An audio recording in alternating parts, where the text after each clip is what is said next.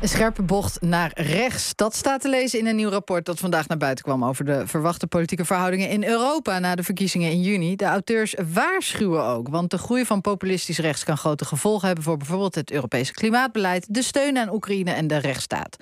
Anja Haga zit hier in de studio, kandidaat lijsttrekker van de ChristenUnie. Zij maakt zich zorgen. En uh, Michiel Hogeveen van Ja21, die wordt wel blij van dit uh, vooruitzicht. Hij is Europarlementariër. Uh, even voor het overzicht, voor de helderheid. Ja21 maakt deel uit van de ECR-fractie. Oftewel, dat zijn de conservatieven en de hervormers. En de ChristenUnie zit bij de Europese Volkspartij. Dat klopt toch, hè? Waar, waar zit het verschil, mevrouw Haga? Nou, kijk, voor de ChristenUnie is geloofsvrijheid heel erg belangrijk. Dus het christelijk geluid. En dat we opkomen voor mensen die verdrukt worden om hun geloof buiten Europa. Maar ook binnen Europa dat we onderwijsvrijheid houden. En ook het christelijk geluid kunnen laten horen. En binnen de EVP uh, kunnen we dat doen. De Christendemocraten, ze zegt het al, Christendemocraten. En uh, daarom zitten we ook bij die partij. Maar we vinden het ook belangrijk dat we goed voor de schepping zorgen. Dus klimaatbeleid, groen. En een menswaardig migratiebeleid. En die combinatie van die drie, dat maakt dat de ChristenUnie bij de EVP zit. Oké, dan zit je dus bij de Europese Volkspartij. Um, meneer Hoogveen, kan je zeggen dat u lid bent van een eurokritische partij binnen, de, binnen, binnen Europa? Ik zou de ECR meer willen typeren als een eurorealistische partij. Wij zijn voor, een, voor de Europese Unie. Wij zijn niet voor het ontbinden van de Europese Unie. Maar we zijn vooral voor die sterke gemeenschappelijke markt. Dus eigenlijk de oorspronkelijke idealen waarvoor die Europese Unie is opgericht. Maar wij zijn tegen het verder centraliseren van die Europese Unie met allerlei wet en regelgeving. Ja, en u bent blij met wat de Denktank uh, zegt. Dat radicaal rechts uh, qua omvang zelfs de derde stroming in Europa gaat worden. Nou, we moeten nog maar zien of de soep zo heet gegeten wordt als die wordt uh, opgeserveerd. Dit zijn peilingen die extra, zijn geëxtrapoleerd vanuit nationale peilingen. Uh, in het verleden hebben we wel gezien dat die Europese verkiezingen vaak anders lopen. Uh, bijvoorbeeld ja. in Nederland is de Tweede Kamer opkomst 80 procent. Ja, we moeten het nog maar afwachten. Maar stel ze hebben gelijk. Stel, ze hebben gelijk. Nou, dan is dat een, een, een koerscorrectie, een broodnodige koerscorrectie die de Europese Unie nu uh, moet aangaan. Uh, ik, we zien in heel West-Europa nu in de peilingen terug dat kiezers er toch wel zat zijn dat die illegale immigratie maar niet wordt tegengehouden. Dat die constante stroom van wet en regelgeving vanuit Brussel op ander, onder andere ons bedrijfsleven maar niet, tot, ja. uh, niet stopt. Dus je dus, zegt, dit is, dit is het recht trekken van wat verkeerd is gegaan. Hoe nou, het is, het is een democratische koerscorrectie. Ja. Kijk, in het verleden democratische koerscorrectie hebben we altijd gezien dat er meer EU vanuit het Europees Parlement werd uh, betoogd. Nou, het kan nu eens zijn dat er dan ja. minder EU wordt betoogd. Ja, mevrouw Haga? Nou, mijn motto is uh, eh, EU waar nodig en geen EU waar overbodig. Dus eigenlijk zit u bijna op één lijn. Nou, kijk, we hebben de EU heel hard nodig. Want als je kijkt, dat wij leven in vrijheid, in vrede, we hebben welvaart. En dat hebben we mede te danken aan een goede Europese samenwerking. En dat is iets waar ja. we echt wel uh, ja. heel blij mee mogen zijn en mogen koesteren.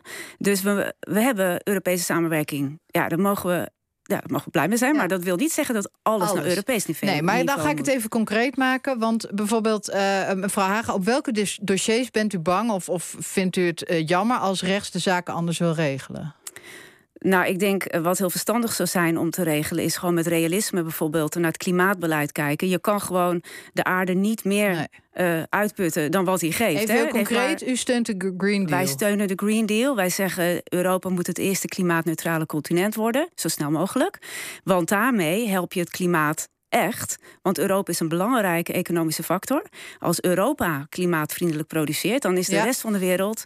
Die, zal, ja. die moet mee dan. Ik dus zie dat meneer, is heel erg belangrijk. Ja, ik zie meneer Hoogveen een nee schudden. Niet. Nou, het, het, grote probleem van die, van die Green Deal is dat het ons uh, committeert aan hele strenge net zero doelen. Dus we willen dan in 2050 een koolstofneutraal continent zijn. Maar dan ga je daar dus je economie op inrichten. Dus dan ga je een, een, een lijn trekken dwars door de. Uh, door de vrije markt. Dat is zo niet hoe de economie werkt. Als je arbitraire labels gaat plakken op, nou, dit is groen, dit is bruin. Uh, en wat ook gepaard gaat met die Green Deal, is dus die constante stroming aan wet en regelgeving die op ons bedrijfsleven wordt uitgestort. Ja, ons, waardoor, ons in, waardoor ons investeringsklimaat ja. gewoon kapot gaat. Ik ga even naar migratie. Hadden we het net natuurlijk over in het andere gesprek. Uh, althans, waar het dan voor Nederland geldt. Uh, mevrouw Haga, wat wilt u daarop? Wij willen menswaardig migratiebeleid en gewoon het eerlijke verhaal erop. Want... Maar vindt u dat Europa moet daarin een, een leidende ja, absoluut, rol spelen? Want uh, je kunt migratie alleen oppakken als je dat op Europees niveau doet. Dus wat ons betreft komt er nu naar Nederlandse spreidingswet een Europese spreidingswet. Dus solidariteit op Europees niveau. En het eerlijke verhaal, want vluchtelingen, dat is maar 10% van het geheel. Die mensen, die hebben geen keus. Die moeten we om om hun leven te sparen, vluchten voor oorlog, geweld of voor hun geloof, uh, die moeten we gewoon opvangen. En het werkelijke probleem van de hoeveelheid mensen die naar Nederland komen, dat zijn arbeidsmigranten. Mm. En dat is een grote groep. Dus wij zullen met elkaar moeten kijken wat voor economie willen we, ja. welke migranten willen we hier wel en niet. Ja, een Europese spreidingswet, uh, meneer Hogeveen. Ja, die komt er al, want dat is het EU-migratiepact... waar uh, uh, VVD-lijsttrekker uh, Malik Asmani zo trots op was. Kijk, dat wij van JA21 zeggen... als je een gemeenschappelijke markt hebt...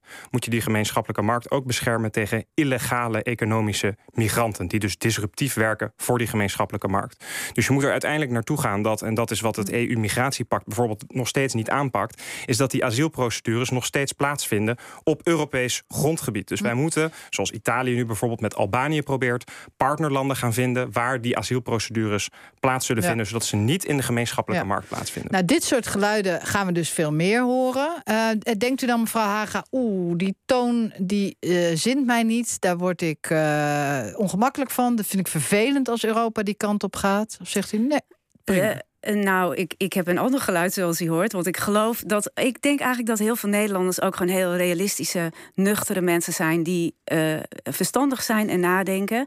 En ook weten dat op, oplossingen vaak niet zo zwart-wit zijn. En, en dat, vindt, u dat, wat, vindt u dat dat wordt voorgespiegeld door zeg maar, de rechtse partijen? Ja, ik denk dat de rechtse partijen. partijen? Ja, radicaal rechtse partijen hebben vaak de neiging om te alsof migranten het probleem zijn van alles. En als we dat oppakken, dat dan ook ons woonprobleem uh, voorbij is. Nou, nou, we hebben een, een huis- en woonprobleem, omdat we dat ja. uh, uh, op de markt hebben gezet, aan de markt hebben overgelaten. Dus, dus dan gaat het om um, de toon van het debat en het zwart-wit denken waar u tegen ageert. En dat zit natuurlijk vaak veel meer op nuances en gewoon uh, redelijkheid. Dus als je kijkt naar vluchtelingen, niemand wil dat iemand die moet vluchten en, en omdat hij anders vermoord wordt, dan zeggen we toch met elkaar: ja, dan we hebben het hier goed, die mensen kunnen we opvangen. Maar misschien moeten we niet de distributiecentra vol mensen hebben die goedkoop betaald worden en pakketjes leveren. Is dat wat wij willen? Hm. Want daar hebben we er ja. veel te veel van. Misschien moeten we het daarover hebben. Meneer en dat hoor ik veel wat, te weinig. Wat vindt u daarvan? De, dat, dat de toon van het debat, zoals, zoals, zoals u dat voert, en andere, mag ik zeggen, radicaal rechtse partijen, um, dat die nogal zwart-wit is? Nou, wat je in toenemende mate ziet, is dat mensen de politiek ingaan, of ze nou in Den Haag of in Brussel terechtkomen, en die komen daar niet zozeer om beleid te maken of om, om, wetten te maken, maar om lawaai te maken. En dat is ook wel iets wat mij zorgen baart. Dat zien we uh, natuurlijk voor de, bij de Nederlandse verkiezingen ook gezien. Dan zijn er partijen die dus een heel, hele grote mond opzetten. En uiteindelijk moet je toch uh, tot een wet komen of tot een compromis komen. Ja, en, en dat moet je toch uiteindelijk uh, ja, waar gaan maken. En wij als JA21 zijn daarom dus ook opgericht. Wij zeggen, nou, wij zijn stevig op die inhoud, wij zijn stevig op migratie, wij zijn stevig op die Europese Unie. Wij willen ah, dus terug naar die gemeenschappelijke ja. markt, maar je moet ook leveren. En, en u herkent sluiten. zich dus ook niet in de woorden van mevrouw Haga. Zwart-wit denken, daar, daar bent u zelf wars van. Nou, ik denk uiteindelijk dat de mensen thuis, de kiezers, die willen ja. gewoon dat er beleid wordt geleverd. Uiteindelijk wel, ja.